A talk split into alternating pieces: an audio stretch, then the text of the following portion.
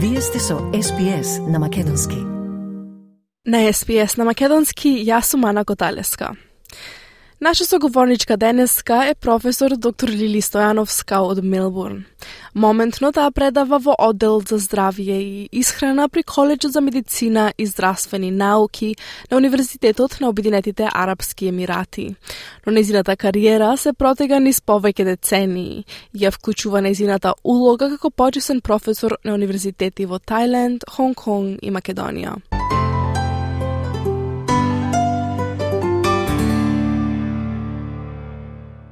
Професор, ке кажете ни нешто за вашите почетоци. Кога се роди љубовта кон оваа професија кај вас?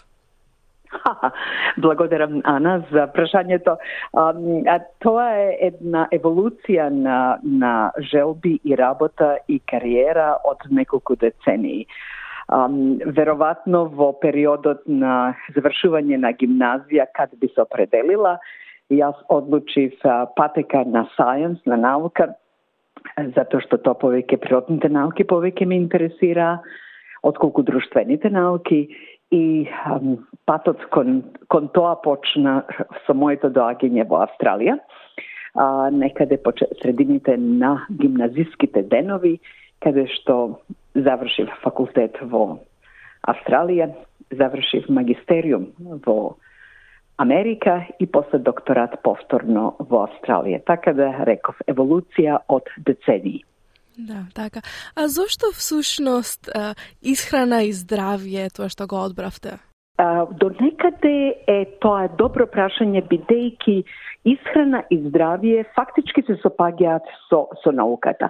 Меѓутоа мојата ова што зборувам еволуција на движење прво започна со превентива на хронични заболувања, како диабетис, бидејќи мојата докторска и магистрска а, работа, односно трудови беа на полето на диабетис тип 2, и кога јас ја добив првата работа на Викторија универзитет, фактички работев на тоа поле. Значи, ендроконологија, здравство, и со тоа превентива на хронични заболувања патем патем а, животниот тек на човекот, бидејќи ние се што повеќе а, напредуваме во годините, да не би рекла старееме, имаме се повеќе можности за хронични заболувања кои што се а, се манифестираат патем остеопороза, кардиоваскуларни болести, патем а, реков диабетис и слично. Значи една од а, на еден начин на превенција на тие заболувања е а, животот, начинот на живење, а тоа е исхрана, а тоа е превентива исто патем а, а, физичка активност. Значи, кај мене исхраната, а, физичката активност, начинот на живењето, сето тоа се модалитети кои што може да, да допринесат да се или намали интензитетот на тие хронични заболувања, да се пролонгира нивниот настан ако некој веќе има и ам, генетски генетски начин, односно генетски ам, можности за заболување, а исто така реков е да дојде до превентива. Значи, се тоа зависи од нас, бидејќи 50% од можностите за заболување се генетски i a, faktički a, evolucionarni. Sa drugi zborovi, ako roditelite imale neko od tih hroničnih zavolovanja, najverovatno i osobata, odnosno minuto dete bi imalo tije geni, a da ne dojde do manifestacija na tije bolesti, odnosno do izrazuvanje na полен карактер на, на диабетис, кардиоваскуларни заболувања, остеопороза, артеритис и така натаму, тогаш ам, еден другите 50 процент, проценти може би зависат од нас. Начинот на живење, исхраната, вежбањето, колку сме физички активни, бидејќи сите тие модалитети доведуваат и она секако психичкиот начин на свакиње на животот, да, да нема намалување на депресија и сето тоа, бидејќи се тие три модалитети кои што можеме ние самите да ги контролираме, не генетски, не од родителите, него ние фактички зависи како сето тоа го разбираме и како го аплицираме во нашиот живот. Така. На што се фокусира вашето истражување во моментов?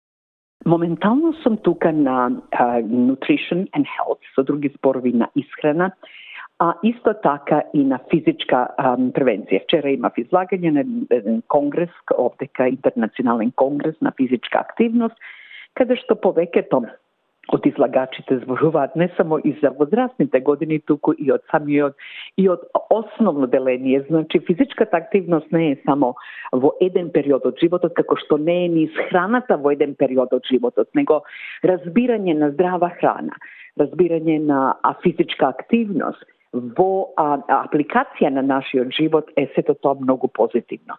Значи, а, моментално повеќе се, а, се работам на исхрана и на нутрицизам, односно разни модалитети од исхрана, како делуваат, реков, на намалување на овие хронични заболувања кои што доведуваат до зголемување на морбидитетот и на морталитетот.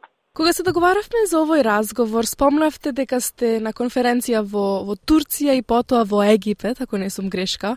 Значи, вашата кариера работа ве носи ширум светот, дали е тоа аспект што ви се допаѓа за вашата работа, дали е тоа нешто што се случува редовно или само во овој период? Овој аспект на излагање на научни трудови и на знаењата на еден човек е секако врзано со академска работа а, додека живее во Австралија, тоа постојано се случуваше, меѓутоа а, тамо беше најмалку 15 до 20 сата лет. Ја сега некаде, што би рекла, во средината на земјината топка, се шалам. Меѓутоа се ми е некад, се е од 4 до 10 часови летање, што значи е многу поблиску да човек, да една особа оди на 3 до 4 дена на некој конгрес. Да, кога зборувавме бев во Истанбул на еден конгрес, имав излагање, тоа беше 4 дена а, интернационален конгрес, потоа веднаш следеше Египет, Кајро и еве денес, вчера имав излагање во Абу Даби на еден друг интернационален конгрес кој што беше со седиште во Абу Даби тука во ам, Емиратите. Значи, тоа е сврзано со академска работа, а поготово кога ќе речем академска бе еден академик професор, вонеде професор и така натаму, би требало да има аспекти на предавање, истражување и секако административни, административни делови. Кај мене предавањата се сведени на минимум, бидејќи јас повеќе сум фокусирана на истражувачка работа, а моите истражувања се пренесуваат на самите предавања. Значи, јас предавам обично на магистранти и на докторанти со кои што веќе се движат кон на, патот на науката, не на undergraduate student, односно на студенти кои што се запишани на bachelor degree. Со други зборови, јас публикувам доста и моите публикации често пати доведуваат до, до, до покани како од интернационални тела, така и од организатори на конгреси. Значи, дел од работата. Иако застапеноста на жените во академијата во овој оддел за исхрана и здравје сепак е повисока во споредба со другите, има релативна ниска застапеност на жени во науката. Токму затоа, дали би сакале да ни откриете како беше вашето искуство како жена во науките и дали се соочивте со одредени предизвици поради вашиот пол во текот на вашата кариера? Тоа е а, една патека од децении, каде што никогаш не е континуирана линија, нити возвишена линија, нити хоризонтална линија, него има и падови, има и возвици, меѓутоа додека кривата се движи нагоре, тоа е добро. Секако ам, предизвиците се тамо, прво како жена, само да ви кажам дека во науката, а и не само во академија, него и во други области, жените се многу малку застапени процентуално што повисоко се движат на степенот, на скалата на успехот. Um, статистика покажува дека повеќе од 50% на жени се запишуваат на разни врсти универзитети или факултети, што би рекле, почнувајќи од право, економија, медицина, ам, така да ам, фактички тоа се сознанијата. Меѓутоа, што повеќе одиме нагоре во кон успехот на некаква кариера, на некоја кариера од било која од овие области што ги напомнав, се помалку жени има. Конкретно во академија, кога ќе кажам академија, мислам на универзитети, професори, воредни професори и редовни професори, некаде а, статистика покажува дека 20 до 22 проценти, максимално 25 проценти се жени. Се другото се од машки пол. Тоа не значи дека а, едниот пол е подобар од другиот. А, има многу разлози зошто жената не е на многу повисоко ниво. Тука може да биде и кариерата да се прекине, патем а, семејство, лични а, амбиции, некои домашни потреби и така натаму. Али дефинитивно ширум светот жената е се помалку застап, помалку е застапена од мажот. Дали јас ги имав тие проблеми? Секако.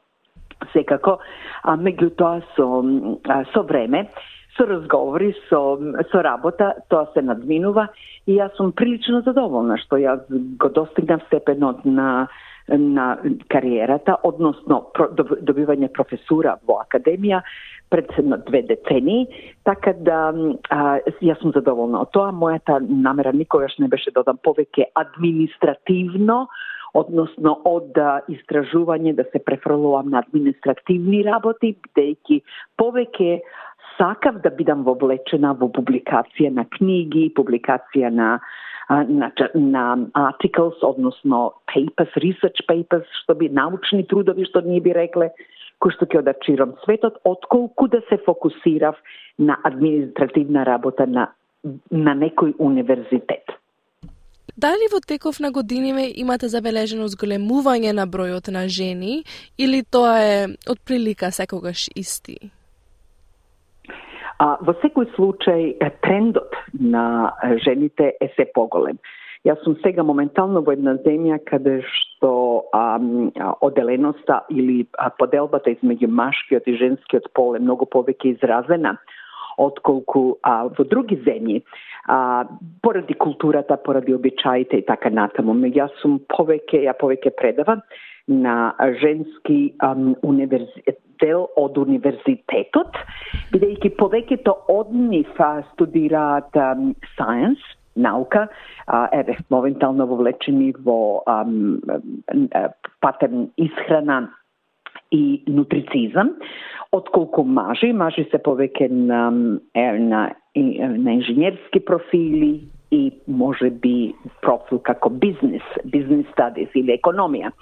Така да, да, и, и дефинитивно, а, и додека бе во Австралија, и еве сега го гледам, тој тренд е се многу повеќе означе. Реко, повеќето од проценти во светот се жени, над 50%, према тоа тоа е изразено и во запишување на универзитетски профили, односно ам, ам, услови за студирање.